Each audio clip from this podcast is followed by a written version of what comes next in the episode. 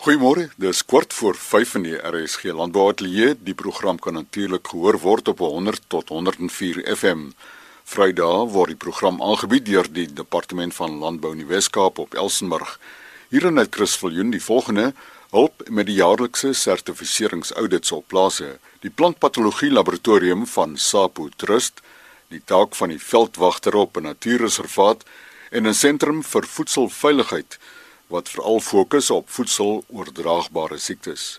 Karel Manrou, woordvoerder van AgriComply, gesels ten aanvang oor hulp met die jaarlikse sertifiseringsaudits op plase.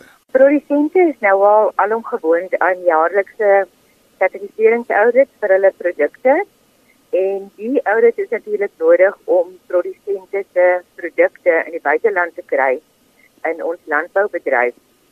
Nou daar's 'n inisiatief gestig AgriComply wat help om die produsente voor te berei vir hierdie onderskeie audit. Nou dit sluit in jou voedselveiligheid audit en dan ook landbou as ook etiese audit. Daar is 'n span wat bymekaar gekom het en wat kundig is, is op hulle eie gebied. En dit is waar ons nou dit op vir die produsent kom ten einde van die begin af voorbereiding vir die audit die dokumentasie, beleide, die implementering, opleiding aan die produsent en of sy werkers en dan ook 'n pre-audit voor die audit self. So produsente weet presies waaroor die audit gaan, hulle weet wat om te verwag en daar is daai angstigheid van hulle weet nie wat om te verwag nie. Dit is waar ons daarop kom. As daar enige iemand is wat belangstel, kontak ons gerus 079 07659723 of kontak ons by Carol met 1L at agri agri comply.co.za ons werk die hele land deur agri comply se woordvoerder Carol Manrou haar telefoonnommer 0798759723 senior plantpatoloog van Sapo Trust, Rolien Karstens, vertel nou van hulle aksies in die Sapo laboratorium. Die doelwit te bereik met die laboratorium sekere uh, virustoetse jaarliks op die plantmateriaal uitvoer. Ons toets 'n wye verskeidenheid van virusse in kern- en steenvrugte. Daar's 6 verskillende virusse wat ons toets, waarvan 2 van die virusse is um, styfmeel oordraagbaar en ons beskou hulle as 'n hoë risiko van verspreiding, so dit word jaarliks getoets. By wingerd toets ons ook vier virus siektes: rolblaar, waaierblaar, wingerdvirus A en B, en dan uh, kan ons ook vir kroongal en vlamsiekte toets. Ons gebruik die standaard ELISA toetsprosedure wat vir rotine ontledings gebruik word en dan wanneer ons byvoorbeeld onseker is van 'n uitslag herhaal ons dit of ons doen 'n PKR.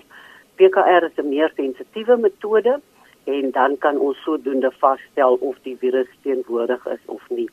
Nou van begin September af is ons laboratorium baie besig wanneer die virustoetse begin. Ons doen ongeveer so 30000 toetse gedurende die seisoentyd. Behalwe ons interne toetse doen ons ook um, vir eksterne instansies doen ons ook toetse of vir produsente. Nou sekere virussiektes is daar nog nie sekerheid oor watter virus spesifiek die siekte veroorsaak nie. So in daai geval is daar nie 'n toets wat ons kan doen nie en dan doen ons biologiese indeksering. Nou dit is waar jy 'n kultivar wat vatbaar is vir die siekte gebruik en dan sit jy jou toetsentjie daarop en indien die siekte teenwoordig is, sal dit oorgedra word en die stok sal sal die simptome wys.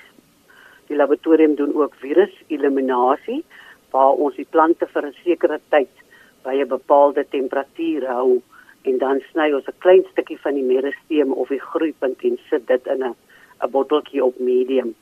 Ehm um, waar die plant dan tot 'n volledige plant wat vry is van die virus um, groei. Ons doen ook groenvermeerdering van wingerd spesifiek om plante vinniger te vermeerder en dit word gewoonlik gedoen vir spesifieke onderstamme waar daar tekorte aan plantmateriaal is. Nou ek is as plantpatoloog ook verantwoordelik om die invoere en die uitvoere te doen vir SAPO en vir kliënte. So daar skakel ek nou met die plantkwarantynstasie om permitte vir die invoere te kry en fitosanitêre sertifikate te kry vir uitvoere. Ek is ook verantwoordelik om ondersoeke te doen. So wanneer produsente byvoorbeeld bome het wat nie wil groei nie, dan gaan kyk ons op die plaas wat die probleem is of dit is as gevolg van 'n siekte of dit dalk ander faktore is soos droogte of stres. My e-posadres is rolien r o l e n by saplant.co.za. Rolien Karstens, senior plantpatoloog by Sapo Trust, daar e-pos rolien r o l e e n by saplant.co.za. En vir ons volgende bydrae sluit ons aan by Petrus Lamini, veldwagter by die pragtige Keurboomsrivier Robberg Natuurreservaat. Ons as veldwagte tree op as verkeersbeamptes. En die rede hoekom ek dit sê, elke Desember seisoen kry ons 'n groot besoekerstal op ons reservate en hulle moet beheer en bestuur word. En dit is waar ons as veldwagte se prioriteite begin. Vir hulle eie veiligheid en die van ander is dit nodig om neersreël te lê wat nie noodwendig hul goedkeuring wegdra nie. Ons as veldwagte tree op as polisiebeamptes om ons diverse fauna en flora te bewaar vir ons toekomstige nageslagte. Loop dit ons soms om streng maatreëls toe te pas om ons diverse hulpbronne te bewaar en te beskerm. Op ons reservaat op Keerbooms het ons soms te doen met mense wat strikke stel en glo my vry, die eindresultaat van so 'n daad is nie iets wat enigiemand wil waarneem nie. Die ooit vasgevangene strik, doodgewurg, blou getrek, harttepels opgehewe wat duidelik toon dat sy nog onlangs 'n kleintjie gesoog het. En by nadere inspeksie in die omgewing kom ons op die kalfie af, wankelrig op spykerbeentjies, totaal afhanklik van sy moeder se melk, 'n moeder wat nou nie meer daar is nie en selfs nie meer beskerming kan bied nie. Dit is hartseer, tragies en baie traumaties. Maar dis iets wat veldwagte daagliks mee te doen kry. Op ons marine reservaat het dit ons genoodsaak om ons patrollies te verskerp want ons natuurlike marine hulpbronne word ewig aangeval. En om 'n tragedie te voorkom, is dit soms nodig om ongereelde ure in die koue en moeilike omstandighede te trotseer. Van daardie rede waarom daar reëls en regulasies vasgestel is en veral as dit kom by ons visspesies, sakbeperkings en groot beperkings verseker dat ons hulpbronne volhoubaar is. Maar in uitsonderlike gevalle het ons geen ander uitweg as om die lang arm van die gereg sy gang te laat gaan nie. Maar op 'n ligter noot, dit is gelukkig nie al nie. In plaas van net die wet toe te pas en mense van hul vryheid te beroof, het ons dit goed gedink om iets anders van stapel te stuur. Omgewingsopvoeding. Onthou, die wet is slegs 'n polisieman wat jou aankla en wys op waar jy verkeerd is. Maar met omgewingsopvoeding erken ons dat ons mense swak ingelig is en 'n mispersepsie het van die gebruik van marine hulpbronne. En dit is waar ons as opvoeders in plaas van wetsbeamptes vorendag kom. Lig die publiek in waarom dit so noodsaaklik is dat hy of sy nie die daaglikse stakbeperking moet oorskry nie. Waarom dit so noodsaaklik is om groot beperkings te hê en dan 'n ander afdeling van omgewingsopvoeding.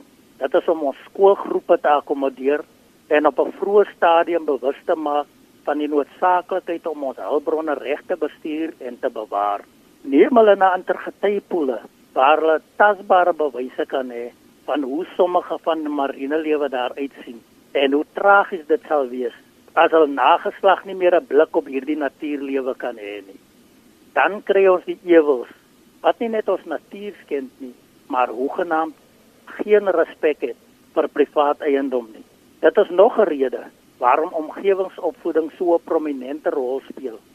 In plaas van net vervolging voor te staan, glo ek dat ons 'n groter impak sal maak as ons die publiek goed en reg inlig oor hoe, waar en hoekom werkskepingsprojekte van stapel gestuur word. En laastens, veldwagters dien as die oë en ore van bestuur, deurdat hulle altyd in die veld werk en fyner waarneming het en dus doelgerigte voorstelle kan maak en terugvoering gee aan bestuur oor toestande daar buite. waar bestuur selde of ooit deesdae kom. Petrus Lamini is veldwagter by die Keurboomsrivier Robberg Natuurreservaat. Die telefoonnommer van die reservaat 044 533 2125 044 533 2125 'n Sentrum vir voedselveiligheid wat fokus op voedseloordraagbare siektes is vroeër die week op Stellenbosch bekend gestel.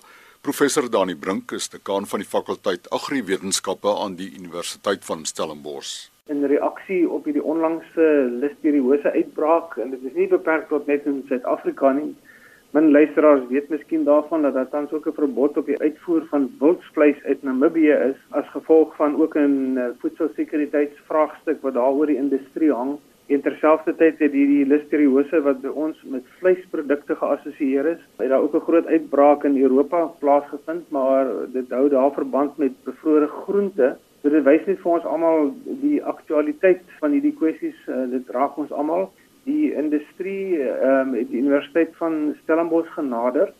Professor Pieter Gous van ons departement voedselwetenskap het ook 'n leidende rol aan die kant van die universiteit gespeel. Dit was reeds Dinsdag aand die 7de Augustus bekend gestel 'n nuwe sentrum vir voedselveiligheid wat dan veral gaan fokus op die voedseloordraaglike siektes wat die mens aantas. Dit is hoofsaaklik in die kategorie van mikotoksine sowel as mikroorganismes en om dan proaktief te fokus op die voorkoming van sodanige siektes maar ook waar ons dan wel gevalle het van aktiewe uitbraak 'n meer professionele en 'n gekoördineerde hantering van so uitbrake as wat ons nou onlangs gesien het soos wat die Engelsman sê ons te lank besig was for the pot calling the kettle black en dat ons liewer aan die werk moet spring om sulke goed in die kiem te smoor dis 'n werklike pleintjie vir die Suid-Afrikaanse voedselindustrie. Terwyl ons as ons departement uh, voedselwetenskap wat dan ook die enigste voedselwetenskap departement in Suid-Afrika is met internasionale akkreditasie vir hulle opleidingsprogramme om dan uh, bereid te wees om op te tree as administratiewe sentrum en ook die koördineringsliggaam vir die sentrum. Dit is ook belangrik om te besef in vandag se oop interaktiewe wêreld waarin ons leef, is hierdie sentrum nie beperk tot Stellenbosch Universiteit nie en gaan ons ook ander universiteite waaronder Pretoria ons gaan ook die departement landbou en verskillende ander inrigtinge die geleentheid gee om saam te werk en en werklik die die sentrum se administratiewe en tegnologiese spulpunt sal dan nie by ons gesentreer wees maar dit is om nasionaal te koördineer en die sentrum gaan dan ook kyk op verbruikers opvoeding en bewusmaking. Die sentrum gaan ook werk met betrekking tot voedselveiligheidsstandaarde en beleid en dan ook 'n groot fokus op navorsing en opleiding rakende alle aspekte wat voedselveiligheid aanbetref. En uh, ek weet al ons kollegas wat op die uithoeke van Suid-Afrika, weet in die private sektor sowel as by die navorsingsinstansies sit, um, is net so toegewys. En ons hoop hierdie sentrum gaan al daai kundigheid kan saamtrek en dat Suid-Afrika op 'n baie meer gekoördineerde wyse kan posisioneer. Ons hele landbousektor is uitvoergedrewe. Ons ons landbouhandelsbalans wel positief, maar hy maak totaal en al staat op hierdie uitvoere en dit is van van wesenlike belang weet dat ons hierdie kwessies kundig en professioneel moet kan hanteer. Professor Dani Brink, dekaan van die fakulteit Agriwetenskappe aan die Universiteit van Stellenbosch en hy het gesels oor die nuwe sentrum vir voedselveiligheid wat fokus op voedseloordraagbare siektes. En dan in RSG Landbou môreoggend om kwart voor 12 besoek ons die plaas Klein Eseljagd in die distrik van Caledon die plaas van 2013 se nasionale beste nuwe kommersiële boer en 2016 se Toyota SA New Harvest Farmer of the Year. Die uh, groot uitdaging vir ons op die oomblik is ons ons hier ooreenkoms. Dat ons geen kollateraal het om enigstens op te staan uh, as ons wil verder uitbrei sonder hulp nie. Ons wou nie bly hande aan 'n oop staan en bak aan staan en vra vir hulp, hulp, hulp uh hier 'n grant daar 'n grant nie. Ons is kommersieel en ons wil kommersieel voortgaan. Vanaf Elsenburg geniet die dag.